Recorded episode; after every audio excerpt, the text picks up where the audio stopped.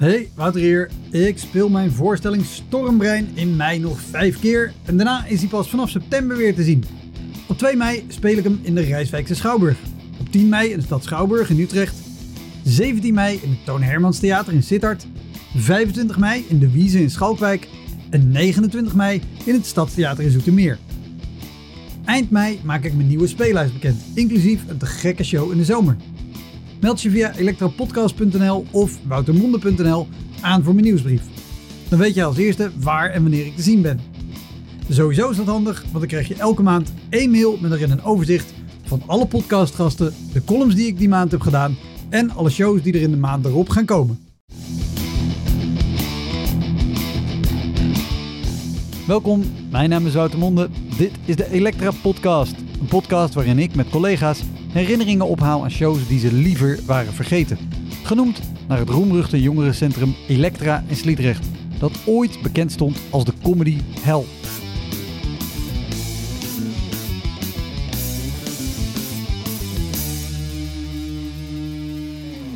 Deze week is Richard Groenendijk de gast. Hij is een vaste waarde in het Nederlandse cabaret. Zeker nadat hij in 2012 de Polifinario won voor zijn programma Alle Dagen. Want het is ook nooit eens een bosje bloemen waar je daaraan moet pakken. het is altijd iets met een ontbijtkoek en een moeilijke stok met een balspel, wat ze daar allemaal doen. En een stuk kaas en een pot jam en chips en een schaap van, uh, van uh, weet ik veel wat.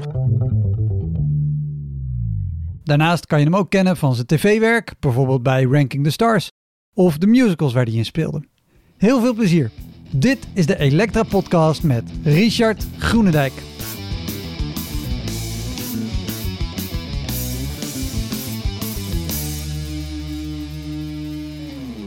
Jaren 90 ben je begonnen, had je je eerste show. Ja. Maar ook, wat mensen misschien wel eens niet weten, opgegroeid op Dirksland, Goree Overflakkee. Nou, Ja. een vriend van mij woont in Oude Tongen. Ja, Ik ben heel vaak op Flakkee geweest. ja. Dat is niet per se een omgeving waar je denkt, ik nee, ga lekker rijke met cabaret beginnen. cabaretbodem inderdaad. Nou, ik denk het juist wel, omdat je natuurlijk eh, de, de, de, de hele geschiedenis daar en, en je jeugd en eh, ja, aan de ene kant het bekrompen wat het soms kan zijn, maar aan de andere kant ook het eh, nou ja, lekker met je kaplaars na het eten de weilanden in. Dat is natuurlijk ook, het is veel inspiratie. ja, Ik bedoel, ik kom, ehm, om, ik kom uit een tijd, jaren, eind jaren, begin jaren 70 geboren, maar eind jaren 70, toen was het al lang officieel afgeschaft in eh, Nederland. Maar kreeg je toch in Dirksland nog gewoon met een liniaal op je klauwen als je iets niet goed deed op school. echt waar? Van meester Schotanus. Ja, hij is toevallig twee weken geleden overleden. En eh, dus dat, eh, dus dat is, ik kom uit een Spart. Ja, ja, ja, God straft niet meteen, maar uiteindelijk wel. Dus ehm, nee, dus eh, ik, ja, het is, het is een echt een, het is een boerenland waar ik vandaan Ja. kom, omgeven door, eh, door meren en zee. En ja, ik vind het heerlijk. Wij hebben nu nog daar een vakantiehuisje in Goede Reden. Dat is nou ja, op 10 minuten rijden van mijn Ja. geboortedorp. Lekker dicht bij mijn ouders en ik vind het heel fijn. Ja, En, ik, en, en speelde je daar ook toen je begon? ja, ik zat wel op de, bij, de amateur toneelvereniging gedaan. En ik heb heel veel ge- geplaybacked. En dan had ik een eh, Wim Sonneveld eh, act. eh, waaronder de Tea Room Tango. En dan ging ik met een, ik weet niet of je het nummer kent, maar dat ging over een dame die op kosten van een lover van, er, al- van alles bestelde en een beetje misbruik maakte van de man. En de dame was dan een paspop en de ober was een, was een vriendje van mij uit de klas. En eh, dat deed ik. eh, dat, en ook Nicola Nelis, de straatzanger, met een trommel op mijn rug. En dan hadden wij een bruiloft uh, in partijcentrum. En dat draaide mijn moeder wel eens, die liep in de horeca. En dan was ik veertien of zo. En dan belde die eigenaar. en Zei, ja, ik heb een bruiloft en het is zo verschrikkelijk saai. Het kakt helemaal in. Kun jij heel gauw met die trommel hier naartoe komen? Krijg je 25 gulden en net zoveel schnitzels als dat je wilt. En, ja, en dan ging ik. Dan ging ik, ja. Dus dan, uh, en dan stond ik daar gewoon op een bruiloft te snabbelen voor 25 gulden zwart en een paar schnitzels. Ja. dus dat waren eigenlijk hele leuke optredens, moet ik zeggen. Ja, ja. Jammer, daar gaat het helemaal niet om. Oh, daar gaat het niet om. Wat een mooie nee. uitspraak ook. Zoveel, zoveel schnitzels ja, als je wilt. net zoveel schnitzels als dat je wilt, ja. Oh. ja. Die hadden dan de beroemde schnitzel, maar goed. Dus, uh, dus ja, dat, dat, ja, nee, dus ik ben daar wel. Maar toen ben ik later, ging ik op kamers in Rotterdam. En uh, daar kwam ik wel in contact met het betere amateurcircuit, zeg maar. In de SKVR, Stichting Kunstzinnige Vorming Rotterdam. En toen ging ik naar de Engelenbak heel vaak, 1992, 91.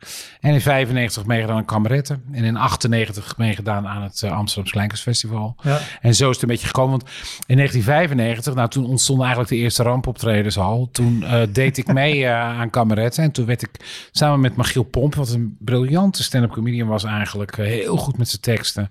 Maar gewoon het hele leven niet aankon van dat toeren. En het wereldje überhaupt vrij vervelend vond. Waar absoluut iets in zit. Um, die, dus die is toen gestopt. En, uh, maar toen had ik een half uurtje.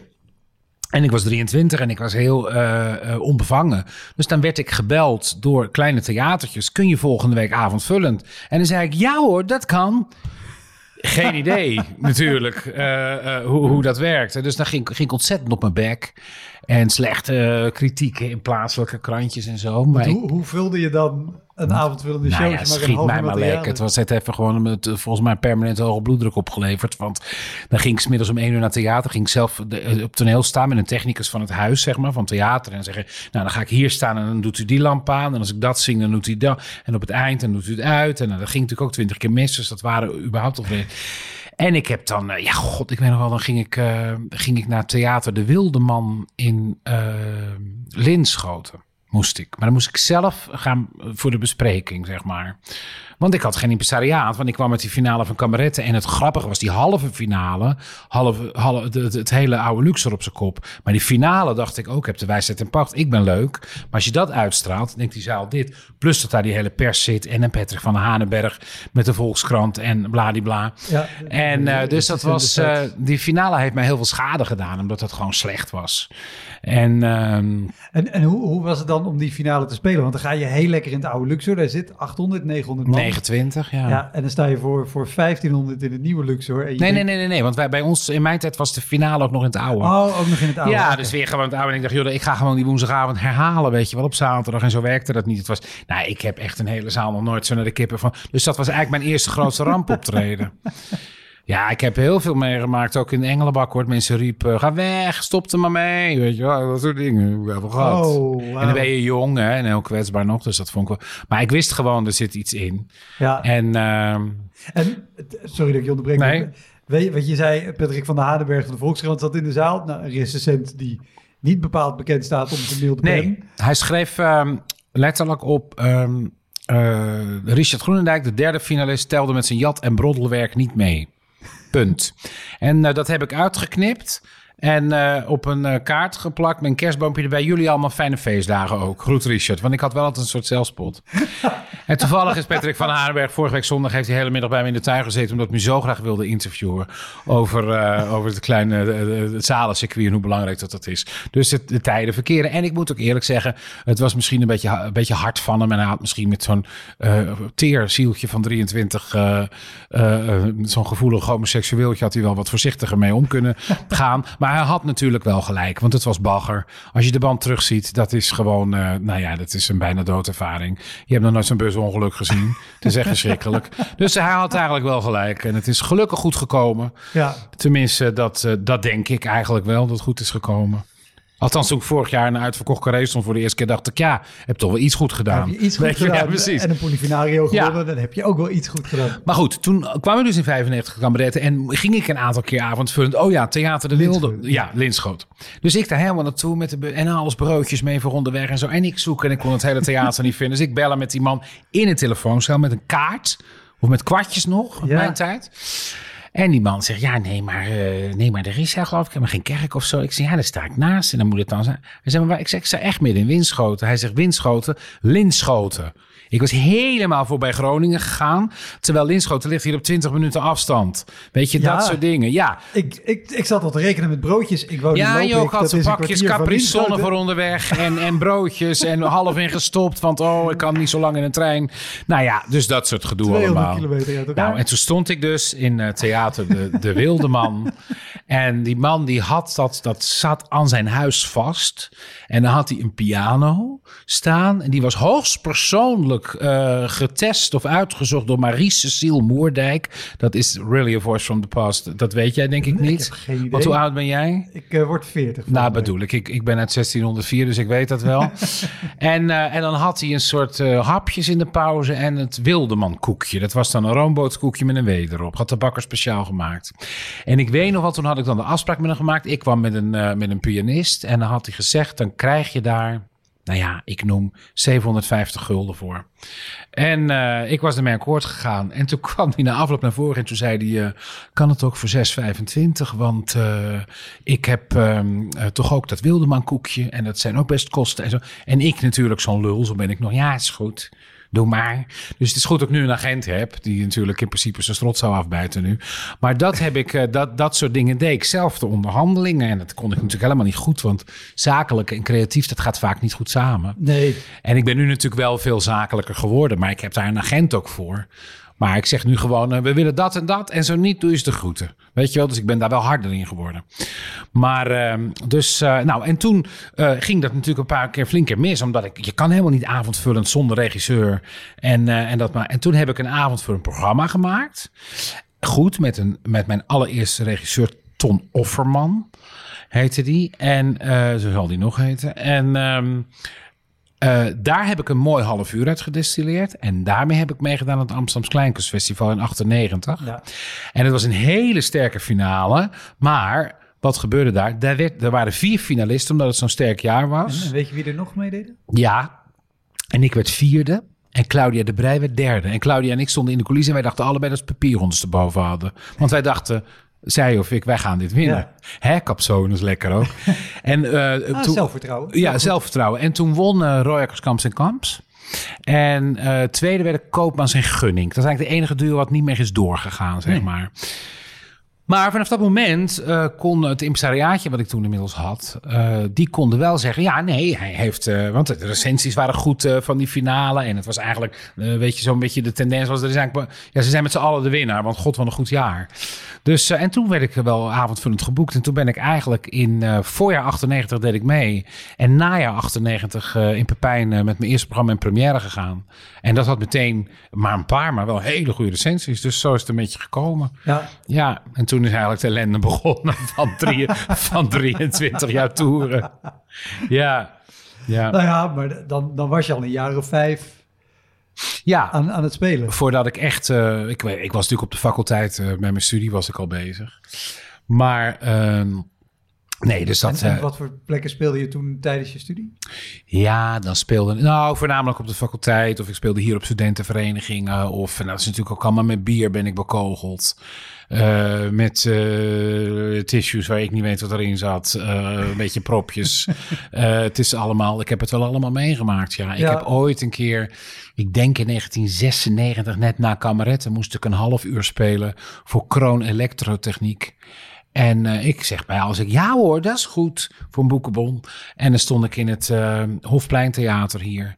En dat zat helemaal vol met, denk 600 dradentrekkers. Mannen die zonder hun vrouw een personeelsdag hadden.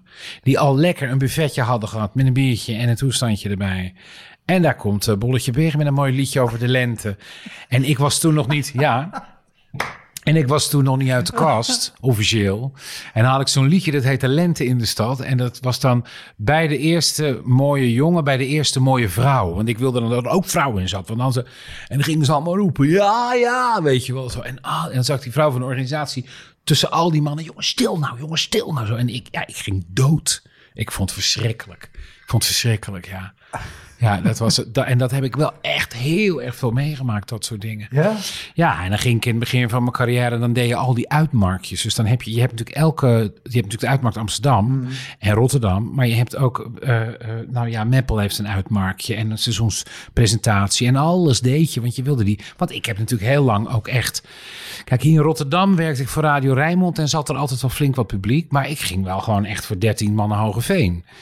En ehm, sterker nog, Hogeveen, eh, twee dagen nadat ik de Polifinario had gewonnen in 2012, is daar de voorstelling afgezegd omdat er elf kaarten waren verkocht. Nee. Ja, maar heel veel mensen denken, oh, Richard Groen, ik zat, ja, nee, ik ben eigenlijk vanaf mijn veertigste dat dat echt heel erg goed is gegaan. Toen won ik de Polifinario en toen deed ik opeens allerlei televisiedingen, want echt die tv heeft mij heel veel Want mensen zeiden, joh, waarom zit je in al die quizzen? Dan denk je, ja, als het niet linksom gaat, dan moet het rechtsom. Ja. Want dan zat ik bij collega's in de zaal en dan, weet je wel, eh, dan ging ik bijvoorbeeld bij Sanne kijken en dan dacht ik, oh, als, deze mensen nou zouden weten wat Sanne- ik kon. Sanne was de Vries. Ja, Ja. en dan, dan zou ze bij mij ook een leuke avond. Niet op de Sanne niet leuk was, maar ja, dan zei ik ook tegen Sanne, maar hoe? Nou ja, die heeft ook een soort martel gehad toen als vrouw, meteen uit Leids winnen, weet je zo dat. Dus toen is dat ontstaan. Maar goed, dan deed ik zelf die uitmarktjes en dan ging ik naar de uitmarkt in Venlo. Op zondagochtend, half elf, moest ik spelen. Drie kwartier uit mijn voorstelling Gluur. Het was mijn tweede voorstelling en dat was mijn slechtste voorstelling ever. Die eerste was heel goed ontvangen. Beetje net als met die finale van Kameretten. Ik denk, hé, hey, ik heb de wijsheid en pacht. Dan wordt die tweede helemaal geweldig. Nee, nee. Daarna is het alleen maar goed gegaan omdat ik het toen wat, echt snap. wat waren de fouten die je had gemaakt bij die tweede? Het was gewoon veel te ijdel en het was gewoon een perfect en het was niet op inhoud en het was... ehm, ja, weet je, dan ging ik opeens een flyer maken die je uit kon vouwen in virus. Had je een mini-poster en dacht ik, oh, het moet heel erg... Het image moet kloppen, terwijl je teksten moeten kloppen op dat A4'tje. Maar goed, dat is goed, weet je, dat leer je Ja. allemaal, allemaal niet erg. En eh, dus ik met Erik de Reus, dat was mijn pianist. Dus dat was het tweede seizoen de reprise die ik speelde daarvan. Want het eerste seizoen had ik een, andere pianist. En wij komen daarin eh eh, Venlo. aan in Venlo. En het, daar, daar hangt dan zo'n heel groot, grote vlag. Met, eh, weet je wel, eh, negen uur dat, half tien dat, eh kwart over tien dat. En er staat tien over half elf Richard Groenendijk popconcert. Dus, dus ik dacht eerst nog, god, dat is ook toevallig. Dan is er nog iemand die heet ook Richard Groenendijk. En dan, dan moet ik toch eens over een gaan denken.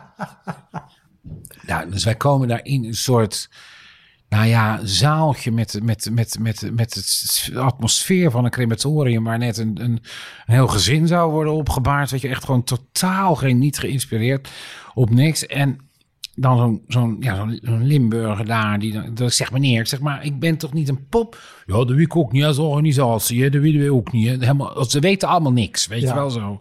Dus ik zeg van, maar zou u mij dan alsjeblieft kunnen aankondigen en kunnen zeggen dat het een fout is eh, eh, in de, de teksten en eh, nee, u moet wij entertainen. Krijg je dat soort, weet je, dat je denkt, ja, dus Oh, ik, dat is ja, ook heel fijn. dus ik sta daar in dat zaaltje zondags om half elf. En er staan werkelijk, nou, ik denk negen mensen. Met een soort, met, met nog met EasyDC t-shirts en half volwassen. Die nog van een soort feest of zo afkwamen. En, ehm, de, de, de, de- en nog twee kinderen, baby's of zo van drieënhalf. Die liepen te gillen en te krijsen. En daar moet jij dan drie kwartier je ding Drie gaan staan doen. ook? Ja, je houdt toch op. Het was verschrikkelijk onder de rondzakken. Mensen die wegliepen en eh, nou ja, dat soort dingen allemaal. Verschrikkelijk. Echt verschrikkelijk. Dat soort dingen. Ik heb in Limburg best wel. Ik heb ook wel eens in Limburg in de krant gestaan. Stond een grote foto van mij. Was ik heel blij dat ik eindelijk in de krant stond. En toen stond er eh, onder, was natuurlijk een foutje. Stond er Nelly Vrijdag streeft naar een prettige oude dag. Nelly Vrijdag. Voor, voor mensen die denken, wie is Nelly Vrijdag? Maar? Vlodder. Maar Vlodder, inderdaad. ja. Ik weet nog wel dat, eh, dat eh, Mark Marie toen zei... Ik haal jullie ook altijd door elkaar. ja, vond ik toen wel heel grappig. En, maar ook zondagochtend half elf. Is er, een, is er een ongelukkiger tijdstip om ergens te spelen? Nou, dinsdagochtend half elf. maar ik vind... Fair enough. Ja, nee, maar dat is wel vreselijk. joh. En dat deed je natuurlijk allemaal, want je wilde. Maar ja, dit heeft natuurlijk geen kaart opgeleverd, die flauwekul. Nee. Dat is. eh, En ik moet eerlijk zeggen, er zijn, ja, er zijn wel een. Er, zijn heel veel losse dingen gebeurd binnen voorstellingen. Dat je denkt, maar meen ik dit nu serieus? Maar er zijn maar een paar voorstellingen geweest dat ik echt dacht, ja, maar dit, deze kunnen gewoon afgeschreven worden. Ik heb, ik heb, eh, ik heb wel eens in, eh, in Haarlem meegemaakt in de Philharmonie. Dat er een stel opstond en wegliep. En dat ik zei van, eh, van bevalt het u niet? En na tien minuten. En ze zei, nee, we gaan naar huis. Want op talent heb ik hem niet kunnen betrappen. Dat is natuurlijk heel erg. Weet je wel, want je bent natuurlijk onwijs gevoelig. En dat was Ja. tijdens de Adem van de Nacht Chinees. Weet ik nog heel goed. Dat was echt een goed programma. En toen stond ik ook al echt in eh oude Luxor zelf solo. Weet je wel. Ja, dat was, toen had ik echt, is ook geen de recensies waren perfect. Weet je wel. Dus dat was echt. De, maar mensen kunnen soms echt asociaal zijn. Het is. Want, want, want hoe... Ik, ik weet de chronologie van je voorstellingen niet uit mijn hoofd. Hoe, hoe lang speelde je toen, toen ze dat zeiden? Nou, de Adem van de Nacht Chinees was 2005 of zo.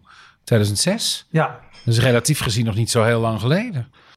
jouw uitstraling, of in ieder geval nu, ik weet niet of dat toen ook was, maar is heel erg ik kan alles hebben. Ja, nee, maar dat is natuurlijk ook zo. Maar je zegt al, je bent natuurlijk heel gevoelig op. Wat, Ja. wat doet dat met jou als je op een podium Nee, kijk, staat? professioneel gezien red ik dat natuurlijk. Want dan, dan, dan, ik liep nog even achter die mensen aan en nog even, eh, eh, weet je, dan kwam er daarna, waar die mensen al weg, dan kwam daarna een goede grap over een open doekje. En dan zei ik van, nou ja, ik vind persoonlijk, ik heb mezelf wel een paar keer op talent kunnen betalen. Weet je, zo dat. Alleen van binnen ga je natuurlijk kapot.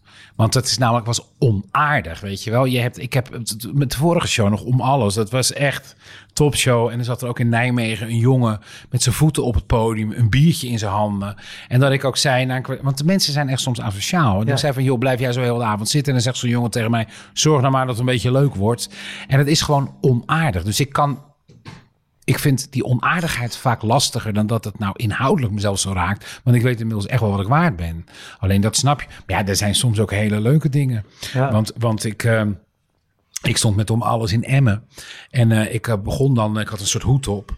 En eh nou, is het openingsact. En op een gegeven moment, dankjewel. Koffie. En op een gegeven moment, eh, eh, ik ben aan het praten na vijf minuten en ik zet die hoed af en dan zet hem, zegt de meneer op de derde rij net iets te hard. Oh, hij. ja, echt.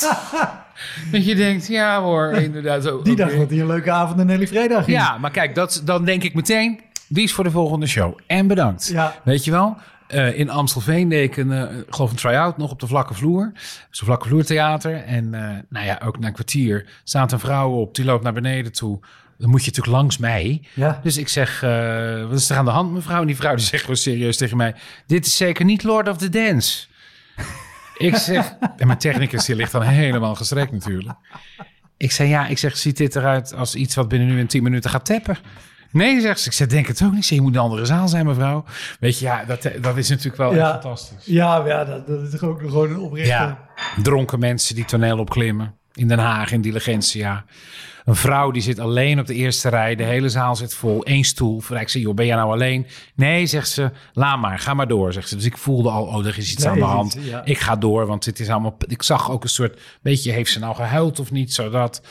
En na een uur echt zo kabam gaan die deuren links van Diligentia gaan open. En wat ik ook nog eens heel slecht vind, want je kan dus zomaar toneel oplopen vanaf de straat. En er er was dus blijkbaar geen suppost of wat dan ook bij de deur. En er komt een man en die loopt gewoon het trapje op, het toneel op. En die loopt naar mij. En ik dacht echt, ik word vermoord, weet ik Ja. veel zoiets. Want ik ben vrij fatalistisch. Weet je, het is of niks aan de hand of dood. Er zit niks tussen. dus, ehm, dus hij zegt, eh, hij komt zo naast mij. Hij zegt, zeg maar even niks. Want ik heb een klein beetje veel gezonken. Maar eh, mijn wijf zit hier en we hebben onze labo gehad. Ik denk, oh fuck. En die vrouw, en ik kijk naar die vrouw. En die vrouw die zit totaal getormenteerd. Dikke tranen, want die denkt, dan heb je de, alcoholist van mij. Dus hij zegt, maar zeg maar niks. Ik zeg, nou meneer, u staat nu in mijn zender te gillen in een volspot. Ik zeg, wat denk je zelf met, met 450 man in die zaal? Echt gebeurd. Ja. Ja, ja, echt gebeurd. En, ehm, maar ja, het gebeurt, ja, het is vreselijk. Maar het, het gebeurt ook altijd op het moment dat je denkt, en over vijf minuten komt het serieuze stuk van de voorstelling en veel plezier ermee. Dus zo'n voorstelling, voor die mensen is het natuurlijk wel bijzonder. Maar die vrouw, die was echt heel verdrietig. En toen stond zij op en ze liep weg en hij ging daarachteraan. Dus ze waren allebei weg. Dus ik was met die zaal overgebleven. Dus dan kun je er een paar grappen over maken. Ja. Maar dan moet je daarna wel door. Want je voelde ook aan de mensen... Er zaten ook wat dames in de buurt. En die hadden natuurlijk tot in de diepte van hun ziel te doen met die vrouw. Weet je Ja, wel. Dus dat, eh, dat snap ik ook allemaal wel. Ja, ja, ja. ja, het zijn allemaal vaak losse anekdotes. Dus ik stond ook ooit eens in Heer Hugo Waard in de oude schakel. En toen had ik, eh, stond ik met eh, Nep, mijn voorstelling. En dat was nog voor de aanvang van de Nasties. Toen was ik nog steeds heel erg aan het zoeken naar wat ik nou precies wilde. En het was een beetje zo-zo ontvangen. Drie sterretjes, kritiekje hier. Maar mm, het ging wel. Ja. En ehm, dan begon ik na de pauze. Stond ik met mijn rug naar het toneel. Had ik, dat was nog in mijn periode dat ik enorm met kostuums eh, aan het doen was. En had ik een hele grote bondmantel aan van, van, van zes meter. Die lag dan over het hele, bijna de toppers eh avant la lettre. En zo, maar dan moest ik altijd geprepareerd worden. Ik kon niet alleen in dat ding met die, met die sleep. En dan, dus ik stond dan zo en dan deed, dan deed mijn technicus dat altijd. En dan ging hij snel naar de zaal toe om een uh, cue te geven. En, en dan is heel klein daar. Dus die man die dat doek moet trekken, die staat echt, nou ja, op twee meter afstand van jou. Dus hij zegt uh, tegen mij, uh, dus ik hoorde al zo langzaam, dan hadden we zo'n muziekje wat begon. En hij zegt, ik vind het hartstikke leuk. Ik zei, oh, dankjewel. Hij zegt, echt geweldig. Ik zei, nou, wat mooi. Hij zegt, in tegenstelling tot wat ik vanmiddag in die recensie las... en het trekt zo doek open. en ik had niks gelezen nog. Oh, Nou, ik krijg er kippenvel van als ik aan denk... want dat doe je toch niet? Nou, echt. wat is dat nou? Mensen hebben geen idee. Nee. Oh. nee. Het is echt heel grappig. Vragen na afloop aan een vrouw... eh, vond u het leuk? Niet alles. Je denkt, ja, je kan er een boek over schrijven. Ja. Hoe speel je dan je voorstelling als iemand Nou, ja, kijk, daarmee... ja, dat zou ik nog lastig vinden als dat nu zou gebeuren. Ik doe nou geen pauze meer. Maar ehm, eh, nee, dat was, eh, dat is, ja, dat vond ik echt lastig. Want je bent, eh, want toen zei Esther ook toen nog mijn technicus, die zei, je was heel ongeconcentreerd na de pauze. Ik zeg, dat klopt. Ik zeg, ik, en dan blijkt dan zo'n recensie te zijn in, weet ik voor wat, het, het, het, het, het, het vingerhoedje in Schubbekutteveen, weet je, wat allemaal drie keer niks. Ja. Maar ja, je bent van slag. Want, want doe, jij, doe jij ook veel dingen, eh, of deed jij veel dingen, ik weet niet, misschien nog steeds buiten theater, aan, aan, aan snabbels of Nee, ik heb wel. Ik heb, ja, ik, oh ja, godman, scholierenvoorstellingen. Die heb ik wel allemaal gedaan, maar dat doe ik niet meer. Het klinkt alsof jij Nee. er heel blij mee bent. Ja, ik vond scholierenvoorstellingen verschrikkelijk. Omdat er maar heel weinig scholieren waren die echt zelf eh, geïnteresseerd waren in theater. Die moesten echt mee. En eh, ja, dat vond ik wel gewoon altijd heel lastig om voor te spelen. Want ik ben natuurlijk toch niet het type. Mijn publiek begint een klein beetje 28, 30, 35. Ik ben niet voor 17-jarigen. Weet je, sommigen die het echt heel leuk vinden wel. Ja.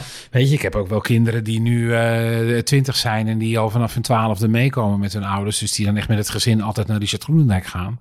Maar, eh, maar nee, dat vond ik. Ik heb een keer in Zwolle meegemaakt dat ze met Wilhelmina pepermunten gingen gooien naar me. En dan afloop alleen maar met de pianist. Want dat was een vrij knappe Brad Pitt-achtig eh, lekker ding.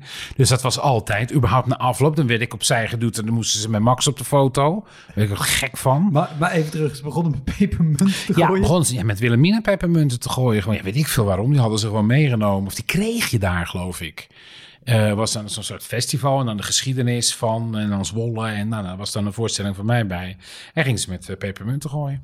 En heel erg in het hoge noorden ook een, een zaaltje waar er dan eh 60 in kunnen en dan een klas van 25. Nou, en dan die drie docenten die dan, dan zo'n beetje of twee erbij met elkaar achterin gewoon een beetje babbelen en gewoon een avondje uit zijn met elkaar. En er niks aan doen. En dan, ja, en dan eh, de voorstelling stilgezet, die hele klas eruit gezet, weet je. Al die andere mensen geïrriteerd. Ja, dat zijn allemaal eh, geen leuke dingen. Ga ik niet meer doen. Nee, toch? En heb je ook wel op scholen zelf gespeeld? Of alleen dat ze... na Nee, dat eh, was nog net de grens. Ja. Dat heb ik geloof ik nooit gedaan, nee. Nee. Want wat, wat, wat is een show uit je hele carrière, of bedrijven of scholieren of een reguliere show, waarvan je achteraf dacht, die had ik echt gewoon in zijn geheel niet mee willen maken? Ehm, ja, op de Hogeschool Amsterdam. Daar heb ik wel, dat was studenten waren dat. En dat werd geregeld door een docent van mij, die hier op de hogeschool les gaf, maar ook in Amsterdam. En het was in de kantine. En daar was een voetbaltafel opzij geschoven. En er waren twee practicabels neergezet. Daar moest ik op. En dan heb ik gewoon staan praten. En na vijf minuten gewoon gezegd, jongens, zal ik weggaan? En toen zeiden de twee van, eh, ja, ja, nee, daar ben ik wel gelijk. Weet je, dus dat vond ik wel heel erg. En ik heb ehm, in Zeeland, maar ik weet niet meer hoe dat nou heette. Marco weet dat, want die was daarbij. Dat is eh, nou, een jaar of negen geleden of zo. En eh daar was een, ehm daar was een, ja, of, dat was niet Ierseke of Rilland, maar een beetje zo die kant op. En eh, Marco, weet jij nog, eh straks zegt wel, weet jij nog hoe dat heette in Zeeland, waar jij nog steeds die stekker uit dat ding moest trekken als licht aan en uit moest? Waar jij in Zeeland die stekker... eh, eh, oh ja, Tolen was dat, ja. Dat was in Tolen. En dan hebben ze geen, weet ik veel, groepen genoeg of zo. Of weet ik veel wat. Ja. En dan had ik een discobol. En Marco, die was toevallig mee. Die moest een bepaalde cue steeds de stekker erin. En- Maar die zag ik dan heel erg zo, zo wringen en wrikken zo tijdens die show. En dan zo'n heel hoog podium met mensen die op de grond zitten. Zonder zo heel hoog naar je zitten kijken. En toen was dus de zaal waar wij naast waren was een gymzaal. En daar was het 80-jarig jubileum van de Zeeuwse fanfare. Echt. En toen had die man gezegd... Toen had ik gezegd tegen die man... Ik zeg, ja, maar is dat ook vanavond? Ik zeg, begint het dan, eh, begint het dan eerder? Nee, dat begint lekker gelijk. Gelijk zo met elkaar. Zo, die man, de Zeeuws, eh, hoe praten ze die Zeeuwen? En ehm, dus ik zeg zo, ik zeg, maar hoor ik dat dan niet? Als ik daar dan op dat toneel staat, zegt die man, zo nu en dan. Het het nummer. Het nummer. Weet je, dat je denkt, oh nee, maar goed. Nou ja, en dan had je dus, dan stond ik gewoon een verhaal te vertellen. Of, of inderdaad een, een mooi eh, Kom dan met mij te zingen van Kaandorp zat in, dat, eh, zat in die voor. En dan hoorde je gewoon op de achtergrond. Wat een fanfare. Ja, want die hadden een jubileum, ja. Dat. Oh, Ja. ik verbaas me elke keer weer hoe bedenken mensen dit of dat. ja, het is, maar mensen hebben vaak geen idee. Hoi, Wouter hier. Luister je vaker Elektra? Dan is het een goed idee om crewmember te worden. Je doneert dan automatisch elke maand een klein bedrag. En in ruil daarvoor krijg je extra afleveringen, consumptiebonnen om in te wisselen als je eens live bij mij komt kijken. En je krijgt een unieke link waarmee je voortaan de podcast luistert zonder dat ik halverwege onderbreek om te vragen of je crewmember wil worden. Zoals nu. Dus, word crewmember. Dat kan al vanaf 1 euro per maand. In de omschrijving van deze aflevering vind je een linkje voor meer informatie. Oké, snel weer terug. Ja, ja ik heb wel, eh, wel, wel veel, eh, ik heb heel veel gewerkt. Hè? Ja. Dus ik heb wel heel veel meegemaakt eh, of dat soort dingen. Maar ook eh, voor heel veel geld, bijvoorbeeld bij een bedrijf wat brievenbussen maakt. En dat je dan wel denkt, als je op toneel zet, het is goed dat we er geld voor krijgen. Maar dat je daar ook gegeneerd voor voelt. Omdat die voorstelling gewoon niet goed gaat. Omdat, Ja. je, omdat ze niet hebben nagedacht over eh, wie ik nou ben en wie hun publiek nou is. Mensen denken heel vaak, oh bellen we hem, gaat het goed. Hoe ging die show dan dat je geneerd dat het zoveel geld... Want je hebt dus makers van brievenbussen, toch zei je? Of Ja. brievenbussen?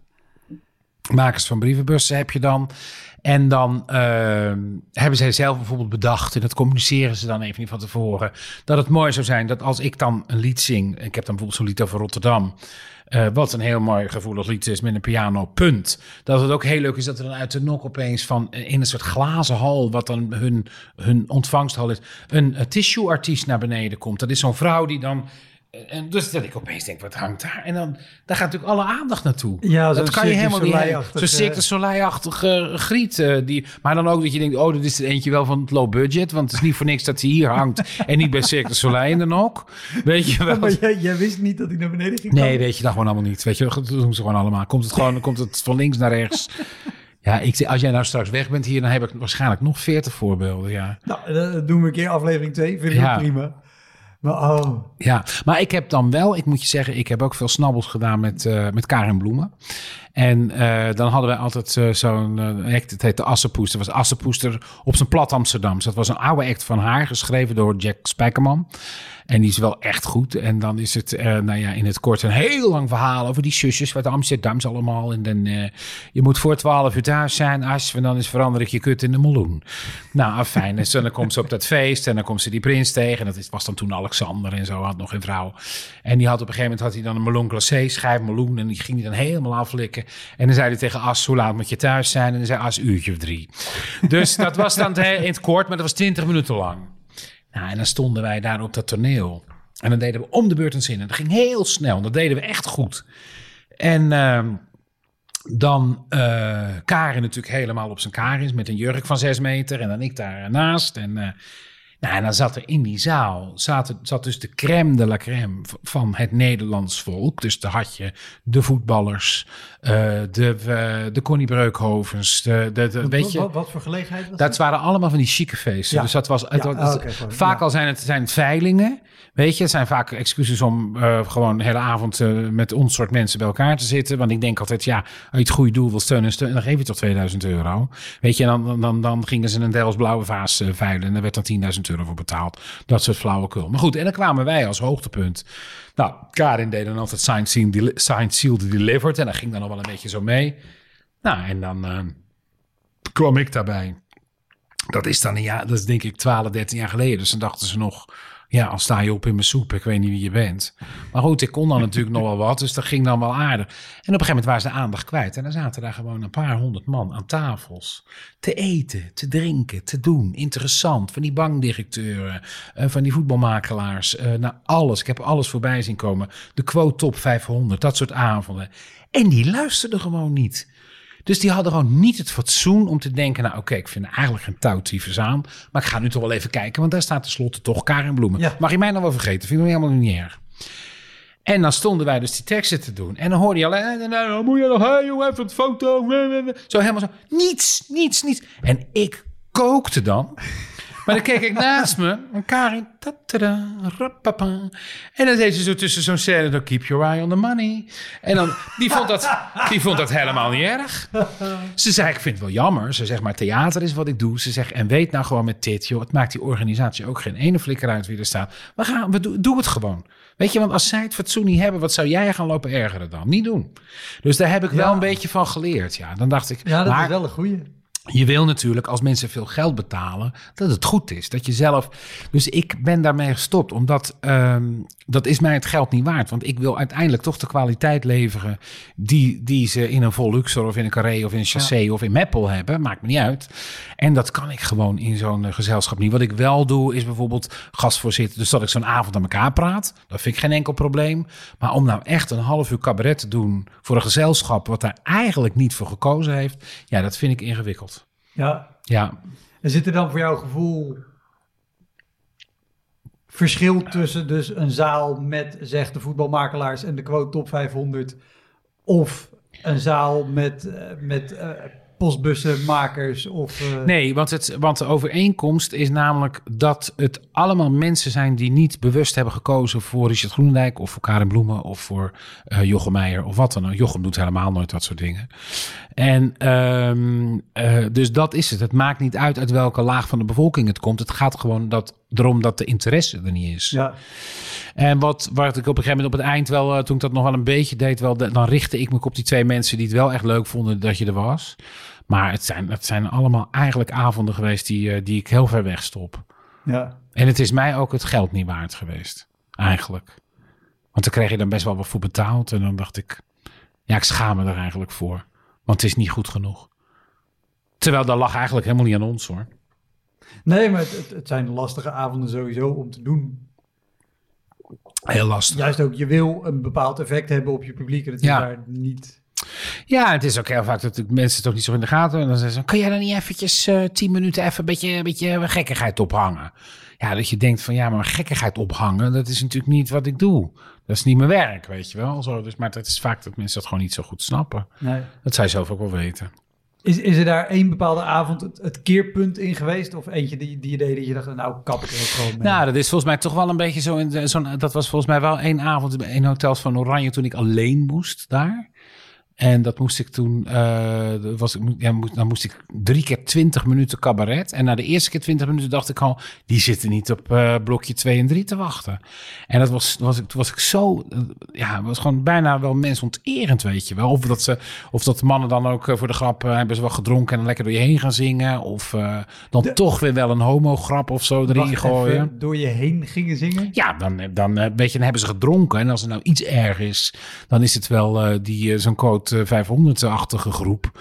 En die gaan dan natuurlijk gewoon, eh, ja, die zetten gewoon eh, een bosje rode rozen in, nou, of ze willen, of je wilt of niet. Ja, dat is allemaal vreselijk. Ja, ik heb wel echt, moet eerlijk zeggen, dat levert je wel een dikke huid op. Ik heb echt zoveel vlieguren gemaakt. Dat is wel echt aan te bevelen, overigens ook hoor. Ja, Uiteindelijk ga je zelf wel eh, selecteren wat je, wat je wel en niet wil. Maar uiteindelijk, maar eigenlijk is het wel goed om dat allemaal mee te maken. Ja. En wa- wat, wat, wat, wat, ik, je noemt nu al een aantal dingen die gewoon door je voorstelling heen zijn gegaan met pepermunt naar je hoofd, met bier gegooid, er wordt doorheen gezongen. Een studentenvereniging inderdaad met bier, ja. Wat, wat is het raarste dat er ooit door een show heen gegaan is? Nou, Fysiek of auditief? ik vond het eh, raarste wat door een show heen gegaan is toch denk ik wel die dronken man op toneel. Omdat ik dat ook echt eh, heel schrijnend vond. Want je zag ook aan de man zijn hoofd dat niet zijn eerste avondje drank was. En je ziet zo'n vrouw zitten en je hebt dan meteen een heel verhaal daarbij natuurlijk. Dus dat vond ik eh, pittig. Wat ik ook wel een hele rare avond vond, dat was tijdens Om Alles, de reprise. Dus dat is eigenlijk nog maar anderhalf, twee jaar geleden. In theater eh, IJsselstein in... eh, of theater, uh, Vulco Theater in IJsselstein. Ja, Bij mij in de hoek. daar kom je als publiek boven binnen en loop je helemaal naar beneden die trap op. Dus als je eruit moet, moet je ook helemaal naar boven toe. Nou, er zit een vrouw op de tweede rij en die zit zo een beetje, na tien minuten zit die een beetje zo, een beetje zo. Dus ik zeg tegen de vriendin, ik zeg, eh, Die- dat heb ik gauw voor elkaar. Die, zeg, die valt in slaap. ik zeg dat, eh vindt nou zegt ze, ik weet niet zo goed. Dus die gaat zo zitten duwen tegen die vrouw. Dus die vrouw die reageert helemaal niet meer. Dus die vrouw die krijgt een soort, ja, toeval of hoe noem je dat, een Ja. flauwte of dat zoiets. Maar dat was een vrouw dat, de- die met alle respect, dat was, die had niet maatje 38. Dus til jij niet maar zo'n rij uit. Dus toen moest de voorstelling worden stilgelegd. En toen heeft die vrouw, hebben ze een losse stoel, hebben ze aan de zijkant gezet. Daar hebben ze die vrouw opgetrokken. Maar die moest die hele trap over. Dat ging dus niet. Dus toen hebben ze dus met vier man, eh, twee mannen uit de zaal en twee man techniek, hebben ze die vrouw als een soort Matahari het trapje op toneel gedragen. Daar hebben ze ze neergezet, want ze moesten natuurlijk zelf even bekomen en even kijken. Dus die vrouw zat op het toneel zo'n beetje half. Die was toen al een beetje half Nee. wakker. Ja, dus en toen hebben ze ze weer vastgepakt. En toen hebben ze ze zo de coulissen ingedragen. Met nog zo'n eh, lap van een coulisse die zo over haar hoofd heen ging. Het zag allemaal vreselijk uit. Toen hebben ze ze in de coulissen gezet. En daar is de ambulance gekomen, de, de broeders en zo. Maar ik had natuurlijk die zaal die echt wel geschrokken was. Want die dachten, die vrouw... eh, maar dan kan ik wel ook. Ik kan wel veel zeggen en maken. Dus, eh, dus dan zei ik, gaat een beetje mevrouw? En dan zei ze... ja hoor, weet je wel zo. Want ze was natuurlijk een beetje bijgekomen al. Ik zei, nou geniet ervan. Even aan de zijkant. Misschien het laatste wat je ziet. Weet je, zo dat. En daar kom ik wel mee weg. Dus maar ja, toen kwamen de broeders en toen moesten ze weer uit die coulissen worden. En ik zie dat natuurlijk allemaal. Ja. ja, dus die avond is wel weg. In principe, want mensen voelden, waren natuurlijk heel benieuwd hoe zou nog het met even los zijn. daarvan. Het, wat je nu beschrijft, naar in een stoel, naar op het podium. Dat, Het was dat gewoon, het leek wel minuutje. Dit- Nee, dat heeft een kwartier. nou, precies, een kwartier. En eh, ja, en ik moest natuurlijk... En, oh, ik weet niet hoe... Want ze ging echt op half zes. En ehm, nou ja, eh, eh, dat was wel gewoon heel naar. Ja, Als iemand... als want, iemand want hoe, hoe, hoe vul je dat op? Want je zegt, ik kan een boel maken, maar dat is ook op het moment dat iedereen weet... oké, ze is in ieder geval buiten acuut levensgevaar, ja, denk ik. ja. Maar tijdens dat kwartier heb je ook een hele rare spanning volgens mij hangen. Ja, heel rare spanning. En daarna natuurlijk ook. Dus ik weet al dan van tevoren uit ervaring, weet je, als er iets gebeurt, dan heb je daarna nog een kwartier nodig om die zaal weer even naar jou te. Want die zijn bezig met die vrouw. Weet je, nu sommige mensen schrikken, sommige mensen eh, relateren het aan iets wat ze mee hebben gemaakt binnen hun familie. Ja. Eh, daar moet je altijd mee oppassen. Dus, ehm, dus, dus, dat, dus dat, dan weet ik al, ook kut, die avond voor mij is weg. Want ik ben dan niet meer lekker aan het spelen. Ik ben dan aan het redden. Ja, En dat was ook niet eh, mijn beste voorstelling verder. Maar mensen komen er wel naar afloop. te- Maar ik ga ook eigenlijk nooit naar voren toe naar afloop. Maar dan wel, weet je, gewoon even te praten met die mensen. En eh, gaat het een beetje zo dat? Nou, ik lig natuurlijk, ben natuurlijk kapot als ik thuis kom. Maar, eh, maar die vrouw die is hersteld. En dan doen wij wel altijd even adresgegevens. En dan krijgt ze kaartjes in een ander theater. ja. Dan ga je ook niet meer naar voren... Nadat dus een vrouw ooit na afloop zei, eh, wat vond je ervan? Ik vond niet alles leuk. Ja, vond je het leuk? Niet alles. Nee, nee, nee, maar dat is, dat- mensen vinden het heel erg leuk als je naar voren toe komt. Maar ik ben niet zo goed in eh, grote groepen sowieso. Dus eh, ik vind dat... eh, ik ben, met, ben ik, word ik altijd een beetje verlegen van. Dat zou je misschien niet geloven bij mij, maar dat is namelijk wel zo. Ik vind het ongemakkelijk.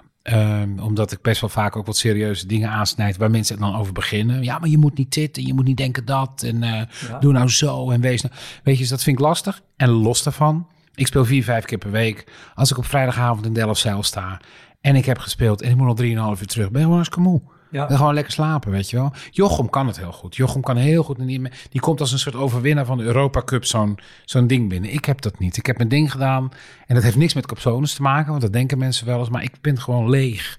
Ik heb wat gegeven aan hun en daar mogen ze mee doen wat ze willen. En ik heb volgens mij maar meer dan 100% gegeven elke avond. En dan is het klaar. Ja. Dus heel, soms ga ik wel eens wat drinken. Ik vind het leuk als er wat bekenden zijn. Weet je, even een babbeltje maakt. En ik ga met iedereen op de foto als ze dat willen, als ik er ben. Maar als je diep in mijn hart kijkt, vind ik het lekkerst om terug te rijden. Gelijk. Ja. Nou ja, in die zin is het natuurlijk ook gewoon werk en mensen Ja, met een kantoor. je bent in principe niet verplicht, maar het elke is- dag Nee, nog een Nee. uurtje na, Nee. borrelen met je collega. wie krijgt het tegenwoordig na afloop van zijn werk van zijn baas bloemen? Nee, dat, dat komt er maar eens om. Ja. dus we hebben al een beetje een soort rare... Het is natuurlijk, als je het goed beschouwt, is het wel heel raar werk. Beetje gekkig. Weet je, je zit hier in huis en denk je, nou, ga, dan ga je heel lang in een file staan. Dan ga je naar een gebouw in een stad die je niet goed kent. Dan ga je op een verhoging staan. Laat je heel veel lampen op je zetten. Laat je mensen voor betalen, omdat jij denkt dat wat jij te melden hebt toch echt nog wel twee tientjes waard is. Ga je heel veel praten en doen. Gaan mensen voor je staan, gaan ze klappen, krijg je bloemen, ga je naar huis. Koek, koek. Gaat toch nergens over eigenlijk? ja, ik, ik vind het een heel mooi vak. Het is een heel Maar- mooi vak, maar als je het analyseert, is het natuurlijk wel een beetje raar. Ja. Heb je avonden gehad dat het ook echt gewoon als, echt als werken... Nou, toen bijvoorbeeld, eh, dat is maar weinig geweest. Maar ik had bijvoorbeeld, eh, nou ja, in 2006, toen, ehm, toen speelde ik de Adem van de Nacht Chinees. was een hartstikke goede voorstelling.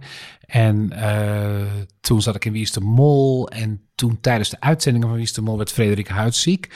Dat was een vriendin van mij en die ging ook dood en dat wisten wij. En tussen haar, dat nieuws dat ze dood zou gaan en, zo, is, is, eh, en ook daadwerkelijk is overleden, zat nog een dag of tien 14. En wij moesten allemaal ons mond houden als groep van Wie is de Mol natuurlijk. En ik had contact met haar ouders. Ik heb nog steeds contact met haar moeder. Eh, en toen moest ik s'avonds spelen. En toen eh, vijf keer per week ook nog. Toen speelde ik echt nog vijf, zes keer per week. En toen eh, was het wel, ja niet automatisch. Maar toen dacht ik, ja, dat zou ik, zou ik niet gewild hebben. Ja. Als er echt iets aan de hand is, ja, dan zie ik het wel als... dan, dan, dan, is het, dan is het soms wel, ja, werk Ja. dan is het omdat je het moet doen. En dan, maar dan heb ik wel echt gewoon dat als het doek open gaat, ook het vergeet. Ik heb ooit één keer, dat was de allereerste keer dat ik in de Goudse Schouwburg eh, in de grote zaal mocht staan. Die zat toen nagenoeg nog uitverkocht. Van pure stress. Dat was tijdens, eh, hmm, ik weet niet welk programma dat dat was. Ja, dat weet ik eigenlijk niet. Ego, ja, was dat. En eh, toen had ik een hele zware migraineaanval. Want ik heb heel lang migraineaanvallen gehad. Daar ben ik nu inmiddels, eh nou ja, nagenoeg overheen. En als ik het nog eens heb, is het veel minder. En, eh, dat, maar dat was echt overgeven in, de, in een emmer in de coulissen. Zo erg. En ik wilde per se toch gaan, weet je. Want ik kom ook nog in een soort gezin van, nee, ja, gewoon werken. En doek ging open. Topvoorstelling gespeeld, maar ook niks gevoeld. Pauze, kotsen, overgeven, niet meer kunnen. Doek open, niets voelen meer. Maar echt gewoon dat, dat ik stond te spelen en ik, maar gewoon genezen, zeg maar. Ga weg, doek dicht, kotsen en ziek door Milène, mijn vriendin Milène Anjou, eh, naar huis gebracht en eh, bed in. Dat is raar, hè?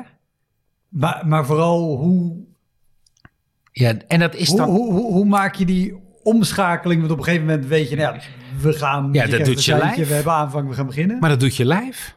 Raar, hè? Dat vind ik nog steeds een van de meest gekke, gekke fenomenen van... eh, van eh, en ook toen in die periode... Dat helemaal, Frederik- ik denk als je een gemiddeld persoon met migraine zegt... joh, wat vind je van het idee dat we je even op Ja, een podium en zetten... met had- een enorme bak licht op je? Ja, en ik had niet zomaar, hè, want ik had dan op mijn linkeroog, had ik, had ik, eh, dan voelde ik het 's ochtends al zeuren. Dan zag ik zo van die, van die lichtflitsjes. Denk ik, oh, daar gaan we. Dus als ik dan niks te doen had, dan ging er een zetpil in van eh 1500 milligram en dan gordijnen dicht en plat. Maar ja, als je moet spelen, dan, en als ik dan, weet je, naar buiten ging, de auto, dan moest ik misselijk en kotsen en dat soort dingen. En ja, het is gewoon echt eh, unbelievable. Gewoon niks voelen. Raar, hè? Ja, nou ja, het lichaam kan rare dingen. Ik, Ja. ik, ik doe ook aan ultralopen, dus dat zijn alle afstanden verder dan de marathon. Ja, ben ik mee gestopt. Ja, daar gaat het veel tijd in Er gaat ook zitten. veel tijd in zitten, ja. Naast mijn combineren. atletiek carrière vind ik het gewoon te veel. Dus Nee, maar daar, daar heb je dat ook, dat op een gegeven moment pijn en ongemak en weet ik wat, ja, dat je lichaam dat uitschakelt. Raar, wauw. Nee, wa- wa- wat ik, wat ik vooral bedoelde, want eh, je noemde nu persoonlijke omstandigheden dat het als werken voelt. Wat ik eigenlijk bedoelde is dat, dat het gewoon door de zaal waarvoor je staat of door hoe het gaat of door het, het gezelschap waar je naartoe moet, Dat je denkt, oké, dit is gewoon Nou ja, net weet zo je, pijnlijk als een zijn, migraineaanval. ja, en er zijn ook gewoon wel avonden dat het gewoon niet gaat. Dat het gewoon, dat er niks loskomt. Wat niet wil zeggen dat die mensen niet genieten. Maar goed, toevallig, dat mag je wel weten. De Vechel, de Blauwe Kei. Daar heb ik nu altijd gespeeld met veel plezier. En die hebben nu een nieuw theater. Ik heb er twee keer gespeeld. En ik heb het idee dat de mensen er helemaal niks aan van. Want ik hoor niks. Maar dan hoor je later van die mensen dat ze het goed hebben gehad, weet je wel. En dat van die technici, ja, we, zijn, we zitten heel ver weg, het is stijl, het geluid komt niet op toneel.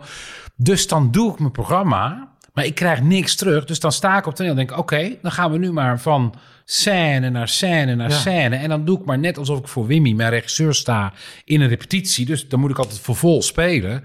Alleen, je krijgt maar lach van één iemand en inmiddels van niemand meer, omdat ze het ook al twintig keer gezien heeft. Ja. Dus, en dan is het wel echt werk, omdat je zo'n zaal gewoon niet loskrijgt. Nee, dat, dat, dat, dat gebeurt wel eens, ja. Maar het is altijd zo onaardig om te zeggen van... oh, eh, het is nou niet zo dat... eh, want ik bedoel, Christel de Laat, dat is een eh cabaretière... die is vrij regionaal in Brabant bekend. Ja, die gaat in première in Veghel... want die vindt dat de meest geweldige zaal. Ja. Dus het heeft niks te maken met die zaal waarschijnlijk. Maar dat ligt denk ik aan mij in de wisselwerking. Dat kan wel eens gebeuren, ja. Ja, al, al heb je ook daadwerkelijk theaters waar het gewoon door, Ja. de- door hoe ze in elkaar zitten, dat het Ja. inderdaad het geluidje niet bereikt. Ja, of dat je denkt van jongens, eh, welke abortusklaniekontwerper heeft dit bedacht? nee, maar dat, dat, dat zie je, je ziet natuurlijk heel veel, eh, zeker bij nieuwere theaters, een soort ambitie van een, eh, van een architect. Maar dat je denkt, zullen we voortaan even vijf minuutjes met wat artiesten rond de tafel gaan zitten? Dan kunnen we misschien uitleggen dat het wel handig is dat als je uit je kleedkamer komt, dat je niet door het publiek zeg maar de coulissen in hoeft.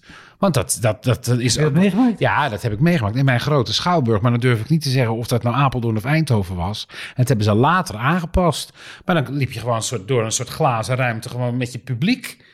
Dat je denkt, jongens, hoe Nou dan? ja. dat gebeurt gewoon. ja. Of, eh, ja, ja, dan die architecten, nee, er moet er per se een bepaald soort design licht op de eh, eh, eh, paskamer, op de kleedkamerspiegel. Hmm. Terwijl, zeker voor vrouwen, maar ook voor mannen die eens de wallen weg willen werken, moet je hem goed licht recht van voren hebben, weet je, zodat. Ja. En wel een beetje met warmte erin. Nou ja, dat is allemaal zo lelijk soms, joh. Ja. Daarover gesproken, je noemde Wimmy al, Wimmy Wilhelm, regisseuse. Ja. Dat is ook hoe ik eigenlijk bij jou terecht kwam. Helga van de Gestapo. Dat Ja. wilde ik niet zeggen. Ja, wij wel.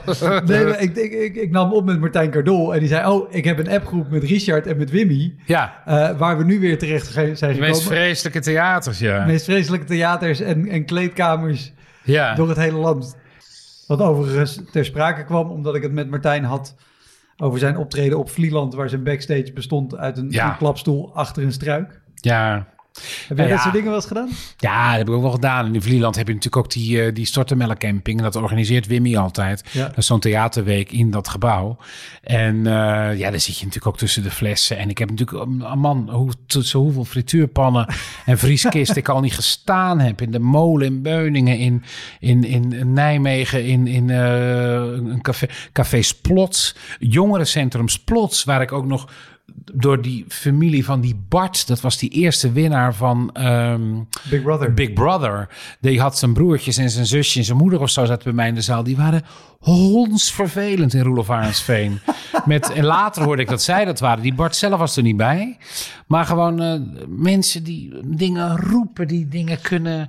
eh, dat is ja, god door de jaren heen. Want sowieso, Splots is al wel eens vaker ter sprake gekomen. Ik heb er wel eens gespeeld. Ik ga er mijn solo ook dit seizoen weer spelen. Ik vind het een hele leuke plek. Ja. Kan, je, maar kan je, kan je Ja, beschrijven? maar goed, jij zit nog in die, eh, in, in die fase dat je dat nog een leuke plek, eh, plek vindt. Oh, hier is onze appgroep. Ja, dat is heel grappig. Dat is, ja, kijk, hier staat eh 20 kaarten Emmeloord. Ja, verschrikkelijk. Ze wilden het toch door laten gaan, zegt Martijn. En ze hadden hun jongerenpanel uitgenodigd. Dus 20 mensen en 20 tieners die om de 10 minuten hun telefoon er eens bij pakken. Want dat is ook van de laatste jaren. Ik ben nog van het ouderwetse theater. Dus de muziek begint, doek is dicht, doek gaat open. Als het doek open gaat, is het bij mij altijd alsof ik in een soort... eh, of ik Madonna in concert heb. Alleen maar van die lampjes. Van mensen die nog heel even zeggen... Ik ga we nu eh, uitzetten, want ik eh, zit bij het cabaret. En dan eh, half in, als er één serieus lied komt, ik zing in anderhalf uur twee nummers. Dan zie je gelijk weer twintig lampjes van jongeren opgaan. Die hebben natuurlijk helemaal geen trek in zo'n nummer. Dus, en ze houden dan dat ding zo, want ze denken natuurlijk Dan zie je laag. je Dan zie, houdt. maar heel Ja. smoel is verlicht. Dus bloedirritant. Die telefoontjes die zouden gewoon inderdaad met zo'n soort... Ja, eh, ik was pas bij Hannah Gatsby in, eh, in Carré. Ja. Of een tijdje geleden. En daar moet je je telefoon in een soort zakje doen. En dan eh, kan, je, kan die niet aan. Dan is Ja. die, eh, en dan halen ze het later de slotje er weer af. Ja, geweldig eigenlijk. En wat je natuurlijk ook eh, hebt, ehm, eh, nou ja, goed, dat zul je ook wel hebben meegemaakt. dat hebben we allemaal. als je in de wat kleinere zaaltjes komt van de gemeente, ehm, eh, of in een gemeente of van mensen die het zelf hebben bedacht, dan heb je daar de vrijwilliger. En eh, dat zijn vaak, eh, ja, wij zeggen altijd eh, hele lieve mensen, maar erg gastvrij. dus, dus, ik, ik heb een beeld, maar en de meeste zijn natuurlijk gewoon echt fantastisch en die laten je Ja. gewoon. Maar er zijn er ook heel veel die denken: hé, hey, bekende Nederlander. En daar ga ik de hele dag mee optrekken nu. Dus dan kom je daar aan, want je staat daar heel vaak, ben je er heel vroeg, omdat dat nog in de try-out fase is. Dus dan ga ik met Wimmy daar om drie uur al zitten om dingen te veranderen, om de staging te veranderen, zo dat soort dingen. En dan heb je gewoon de hele, dan begin je eerst met een rondleiding. En dan zegt zo'n man, dan doet hij een deur open en zegt hij, deze toilet. Vorige week heb Thomas Akda er nog op gezeten. Dat je denkt, ja, maak maar wel even schoon, als je het niet erg vindt. En dan, eh, dan moet je alle gastenboeken door, weet je wel. Vanaf 1975 is het theater hier al in werking. en dit is die, en hier was Toon nog. En dit is de, de, broer, de buurman van Toon Hermans, heb hier ook nog gezeten. En weet je wel, dus dat, allemaal dat soort dingen. en dat is... ehm, en waarom eet je nou niet met ons mee? Want we hebben allemaal gekookt. Terwijl, ja, je krijgt niet uitgelegd dat in zo'n try-out fase... ben je gewoon echt... Ben ik altijd wel een beetje nerveusig voor de voorstelling. Maar daar veranderen wij heel veel Ja. in. Dus als ik eet, wil ik even met Wimmy eten. En dan doen wij nog even snel. En dan zegt ze, hey, als je nou die scène even naar achteren gooit... en je doet dat, dat vanavond dat even daar. Want ik benut echt elke try-out. Omdat ik begin eigenlijk al met een script wat al redelijk af is. Ik ga niet heel erg die voorstelling stukjes een beetje staan te maken... met dat publiek erbij. Dus elke try-out gooi ik wel iets om. Of gaat er wel iets uit, weet je wel, zo dat. En ehm, eh, dan heb ik gewoon met alle respect geen tijd en geen aandacht... om ja, met zeven vrijwilligers van nou ja, een je- buurtcentrum... Je komt er gewoon met een doel. En dat Ik kom er met een goede doel, kom werken, goed- show. Exact. Nou, en dat je dan niet tot s'nachts drie uur daar aan de lampen hangt... dat is aan mensen niet uit te leggen. ik heb er wel eens een boze brief over gehad. Serieus? Ja, van ja, we hadden bitterballen en we hadden gelezen in een interview. Want als je ergens ook één keer in een interview roept... ik ben dol op chocomel, dan krijg je gelijk de volgende tien weken... in elke zaal drie pakken chocomel mee naar huis. Dat is hartstikke lief. Maar soms roep je ook maar eens wat, weet je wel. Nou, toen kregen we dan een mail van eh, dat we zo gehaast waren... en dat ze dat toch niet snapten en dat wij dan relaxed... en dat eh, eh, Kees Torren toch altijd lekker bleef hangen. Ja, Kees Torren niet blijven hangen, ja, dat Ja. weet ik wel, ja. maar ik moet gewoon naar huis omdat ik moet denken over de voorstelling van de andere dag. En dan sta je in Holte, dat was daar bijvoorbeeld in Holte. Ik hoorde nu pas dat die vrouw die daar een beetje boos over was overleden is. Vind ik dan weer wel zielig, maar... Dat was niet daardoor. Dat was niet. Nou, denk. Nee, dat is een bloedend hart. Want Richard wilde niet blijven. Dus eh, ja. Ja, was in Holte. Was ook, eh, dat was een theater. Was en ik begon mijn vorige show met een. Mijn vorige show ging heel erg over dat ik heel veel mensen ben verloren de afgelopen eh, nou ja, twintig jaar. Waaronder bijvoorbeeld Frederik, maar ook andere mensen. En ook gewoon mensen die uit je leven zijn gegaan, hoor, die nog wel leven. Maar toen dacht ik, dan laat ik nou letterlijk beginnen om publiek op een verkeerde been te zetten met een verdwijntruc. Dus meisje, Eva, die mij reed, die moest dan opeens met een pruik en een jurkje aan. Eh, die gaat in een verdwijnkist, die draaien we om en die komt er gewoon nooit meer terug. Gewoon dat idee. Ja, en dan, en dan ja, en, maar dan moesten we in Holte en daar was, die kon die kist niet af. Dus Eva, zo lief is dat ze is. Want het is natuurlijk niet echt dat de kist omdraait... dat Eva eh, op Centraal Station in Spijkenisse staat. Die zit natuurlijk gewoon in die kist. Dat is met, een- met, met een truc is dat. Ja. Dus eh, ja, Eva, Eva zegt, draai de kist maar. Ik wacht wel. Dus ze zegt, doe maar zo'n beetje zo tegen die, uh, zo half tegen die wand aan die zijkant. Waren geen coulissen, was niks. Het was super klein, was net zo groot als deze tafel. Hè? De, dat, uh, de, drie keer die tafel zo nog diep zo. Ja, zeg, zeg zes bij drie. Zes bij drie. Ja. Dus die kist, ja, die zette ik natuurlijk met de opening, waar zij eerst in te zien was, een beetje zo tegen de muur. En zij kon daar dan met een luik en een ding wel eventjes een beetje op de hurken gaan zitten. Dus die heeft, die try-outs bij mij duren nog 2,5 uur. Die heeft daar 2,5 uur zitten te marineren. Die bloed zitten in die kist, in Holte, tegen een muur. Met dat gekwek van mij erachter. Dus uh, Wimmy in die zaal, daar hadden wij al dikke vette pret op. Ik zei, Eva, ik doe vanavond die truc wel niet, weet je. Want het was echt één minuut, hè. Zij was binnen een minuut weg. Zat ze uren in de make-up voor die flauwekul. Maar wel superleuk. En... Uh, nou, dus die show is afgelopen en, uh, en buigen en uh, gedoe. En daar komt die vrouw die later natuurlijk zo beledigd was dat wij niet daar langer bleven. Met twee enorme pakketten met streekproducten. Want het is ook nooit eens een bosje bloemen waar je daaraan moet pakken. het is altijd iets met een ontbijtkoek en een moeilijke stok met een balspel, wat ze daar allemaal doen. En een stuk kaas en een pot jam en chips en een schaap van, uh, van uh, weet ik veel wat. Van, van, gebreid door iemand van de vrijwilligers. Allemaal hartstikke lief. Maar ik sta... Dus dat, die vrouw zei, is dat meisje? Ik zei, ja, het meisje is weggetoverd. en dat publiek zo door, maar dat 60 man, dus dat werd minder, minder. En die vrouw me door, die zei, nee, maar dat wil ik aan een meisje geven. Ah, is dat meisje is weg, hoort bij de act, weet je. Nee, maar doe dat oh. meisje nou even. Dus het publiek al helemaal stil. Dus op een gegeven moment hoor ik van, mevrouw, Wimmy. Mevrouw, komt u maar even mee, want het is even klaar nu met u. Hè? Eh, die ontbijtkoek geven we zo al aan het meisje. Dus uh, die vrouw weggetrokken. Dus ze moesten wachten tot die hele zaal met publiek leeg was. Nou ja, goed, 60 man zijn er zo uit. En toen kon Eva uit de kist. Want wat ik zeg, die was niet echt verdwenen. Nee, hoort erbij. Is met spiegel en een luikie, maar goed. Dus, uh, dus dat soort dingen maak je dan mee inderdaad. Ja, dan willen ze per se het hele pakket weer geven. Ja, heel grappig. Oh, te gek. Ja. Dankjewel. Hm. Geen enkele dank. Dat was hem, de Elektra Podcast. Meer informatie over mijn gast van vandaag en linkjes naar van alles en nog wat vind je in de omschrijving van deze aflevering.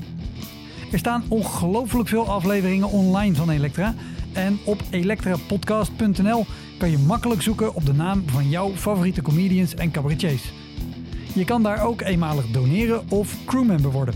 Als crewmember betaal je maandelijks een klein bedrag maar dan krijg je ook nog eens bonusmateriaal. Je luistert voortaan zonder onderbrekingen. En je krijgt consumptiebonnen die je kan inleveren bij een show van mij. Ik vind het sowieso te gek als je een keer komt kijken bij mij. Dus ga naar woutermonde.nl. Daar zie je precies waar en wanneer ik optreed. Of meld je aan voor de nieuwsbrief. Dan hou ik je op die manier op de hoogte. En dan nog iets. Elke vrijdagmorgen doe ik een column op radiostation Kink. Je kan die column terugluisteren als podcast. Hij heet Kink op de Week en je vindt hem in de app waar je ook deze podcast luistert. Oké, tot de volgende Elektra. Hoi!